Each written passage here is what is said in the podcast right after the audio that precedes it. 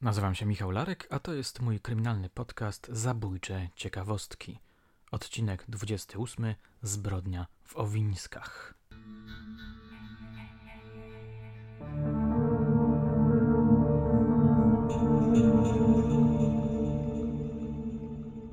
Chciałbym, żeby zaprezentował Pan swojej publiczności historię z 1967 roku.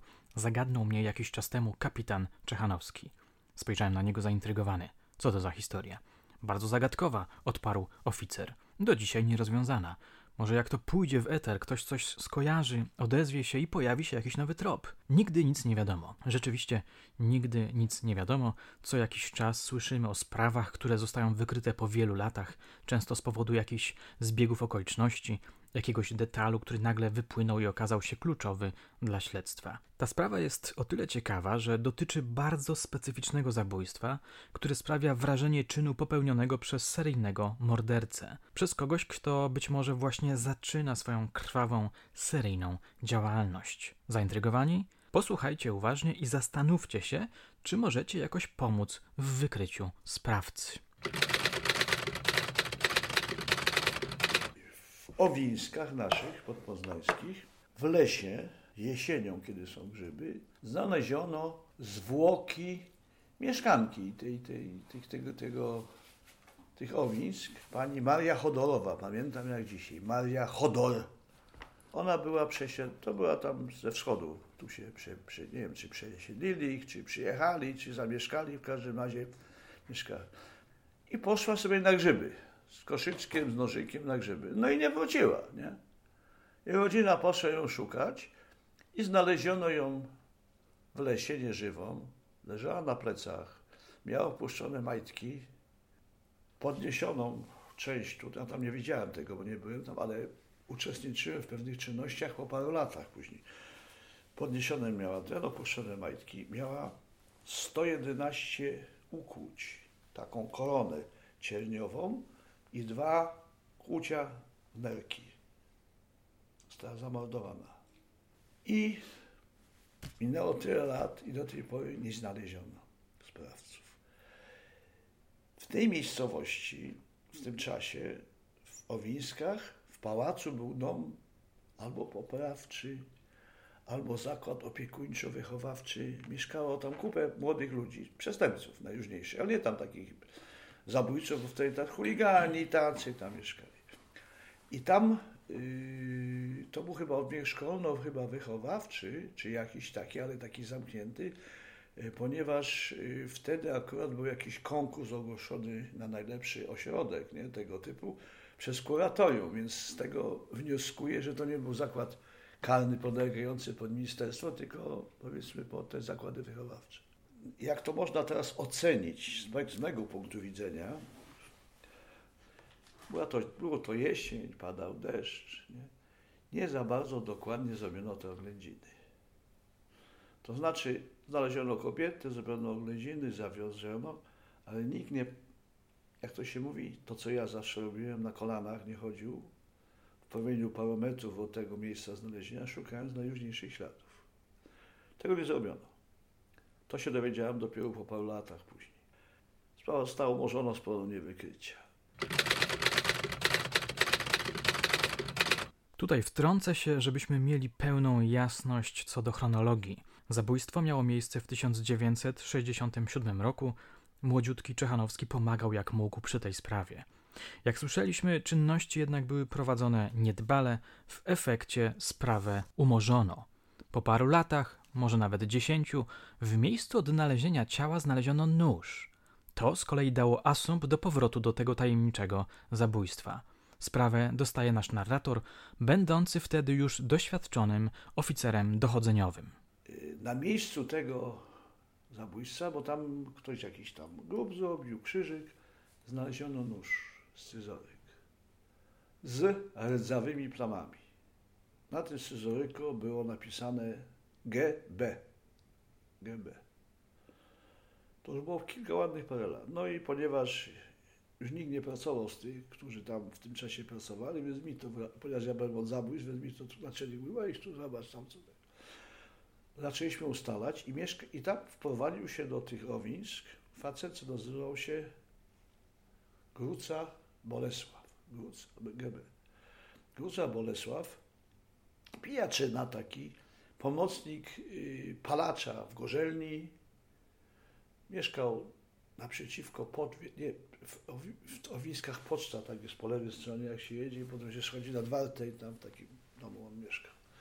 I chyba dwójka, trójka dzieci była. No i wytypowali, że GB to może być on, nie? W tym czasie on już tam mieszkał, nie? Ale no nie było żadnego związku. Chodził też po lasach, zbierał grzyby, tak jak tam wszyscy miejscowi, nie? No i starano się ustalić, czy on nie jest sprawcą tego. Badania tego noża wykazały, że tam krwi nie, że nie można było ustalić śladówki, bo ówczesna technika no nie pozwalała nam, nie? Były rdzawe, ale było to GB. Jakby wtedy zrobiono dokładnie oględziny, to może by ten, znaleziono też ten nóż i wtedy by ustalono, czy to jest nóż tej poszkodowanej, nie? Czy jakiegoś tam, powiedzmy, sprawcy. No nie. Ten facet został aresztowany, siedział, był rozpracowywany, tam tysiące rzeczy z nim robiono, wizje i tak dalej. On, nie, on, nie, nie, nie. Ja myślę, sprawdźcie, czy ktoś, wzięliśmy wykazy wszystkich wychowanków, którzy tam wtedy mieszkali, a tam było towarzystwo z całej Polski, tam siedziało w tym, w tym dosiądku. To chyba kostój było. Czy były ucieczki? Doszliśmy do wniosku, że kobieta była dosyć taka silna, krępa, więc żeby ją zgwałcić i powiedzmy spokój, no to musiało być przynajmniej dwóch, nie? System y, kłucia takiego, takiej korony cierniowej to wyjątkowy zboczeniec, bo każde okłucie ona zryga się, nie? I to mu dodaje przyjemności większej, bo baba się wyrywa, nie? Przeżywa niby. Podejrzewaliśmy, że może dwóch, trzech uciekło. Sprawdziliśmy, sprawdzili tych wszystkich. Tam pochodzili ze Śląska, Rzeszowskiego, z całego, z całego świata, mówi. I sprawdzono, czy któryś z nich, aha, przede wszystkim, czy była ucieczka. To dyrektor przysięgał się za wszystkie, że nie było żadnej ucieczki. Ale jeden z wtedy, co ja już potem jest tą sprawę miałem, jeden ze starych, potem do ośrodek rozwiązano, zlikwidowano, dyrektor zmarł, nie, to już tam zginęło. Jeden, dotarliśmy do jednego z tych starych wychowawców i jeden powiedział, że wtedy była jakaś ucieczka. Oni uciekali na dwa, trzy dni i wracali najczęściej, ci, ci młodzi, nie? Była jakaś ucieczka, ale nie potrafił określić kto, ilu, nie? I to zostało zatuszowane, ponieważ ośrodek ten występował w konkursie najlepszy ośrodek opiekuńczo-wychowawczy, te, znaczy dla młodzieży. Nie? I to gdzieś tak, wie pan, ukryto. A ponadto była jeszcze jedna rzecz, no, sztab tej akcji znajdował się w gabinecie dyrektora, nie? Więc on wszystko wiedział, o czym się to mówiło i to był błąd, nie? Wnioskowaliśmy, że być może to jest y, początek zabójcy seryjnego. Ale nie powtórzyło się to w żadnych tych sprawach. Ja potem, jak byłem w Katowicach na Annie, to też ja co, codziennie miałem sprawę. Na Śląsku tam co drugi dzień kogoś zabili, to też o tym właśnie myślałem i patrzyłem na to, bo mówiłem mojemu kierownikowi Miesławek, myśmy taką sprawę mieli zabójstwa niewykryte. I tak mówi, to wiesz, jak przeglądasz, no to zobacz, nie, czy tam taki, mówi, nie, ktoś taki jest, co ma takie, czy, czy był tu w tych stronach, no nie, żaden nie był. Także nie natrafili. Być może to był jeden incydentalny, nie, tej ekipy, Nikt się nie wychylił, nikt, nie, nikt ze złodziei nie powiedział w więzieniu, bo były takie, za moich czasów były takie dwie akcje, kiedy wystąpiono do osadzonych, że przyjmują y, wszystkie informacje o przestępstwie. Jeżeli ktoś coś wie, albo sam zrobił, albo coś wie o kimś innym, żeby powiedzieli to i za to będą, powiedzmy, umniejszone wyroki. I było dużo tego, nie? Ja też to koledzy z kryminalnego przeglądali i nikt z naszego województwa, w naszym województwie jest dużo zakładów, bo jest, są Wronki, jest, jest Rawicz, nie, takie ciężkie więzienia, Gębarzewo, Młyńska, Kalisz, nie, Ostrów, no to tam wszędzie klienci siedzą, nie? I siedzi z całej Polski. I nie było tam żadnego takiego, który na ten temat by gdzieś coś tam klęknął. I być może rzeczywiście, że y, no, był to incydentalna rzecz i ta sprawa nie została wykryta. Nie? Ale czasami się zdarza, że po wielu, wielu latach, nie? Ktoś czytając coś, czy jak to się mówi, na łożu śmierci, se przypomni. I dobrze by było takie coś na zasadzie takiej, ktokolwiek wie. To już jest przedawnienie ścigania, wyrokowania, ale samo to, żeby zobaczyć, kto to zrobi. Bo może, jak to się mówi, jest wśród nas. Może już nie jest, nie? Ale jest to taka sprawa, i jakbym miał to doświadczenie, co później miałem, no to bym tej sprawy nie odpuścił, ale to już było, wie pan, musztarda po obiedzie. I dla mnie to był kolejny przyczynek do tego, że najważniejsze na miejscu zdarzenia są dokładne oględziny. Intrygująca sprawa, prawda? Kim był sprawca? Czy był nim mężczyzna, o którym wspominał kapitan? Ale dlaczego taki specyficzny modus operandi? Czy coś ich łączyło? Czy była to zbrodnia z namiętności? Szkoda, że nic nie wiemy o ich wzajemnych relacjach. Wydaje się jednak, że coś tu nie pasuje. Gwałt i potem tyle ciosów? Przypomnę, 111 ukłuć, dwa ukłucia w nerkę. To była korona cierniowa, powiedział kapitan, jak pamiętacie. Kojarzycie coś takiego? Słyszeliście o czymś takim? Bardziej to chyba pasuje do jakiegoś rytualnego mordu. A może sprawców było więcej? Może nie należy się ograniczać do jednej osoby? Wymowna jest ucieczka jednego z wychowanków, a może całej grupy. Może to jest jakiś sensowny trop? Ale czy można ufać informacji o tym, że nikt z ówczesnych wychowanków nie stał się zabójcą później? Pytanie zostaje, jak sądzę, bez odpowiedzi.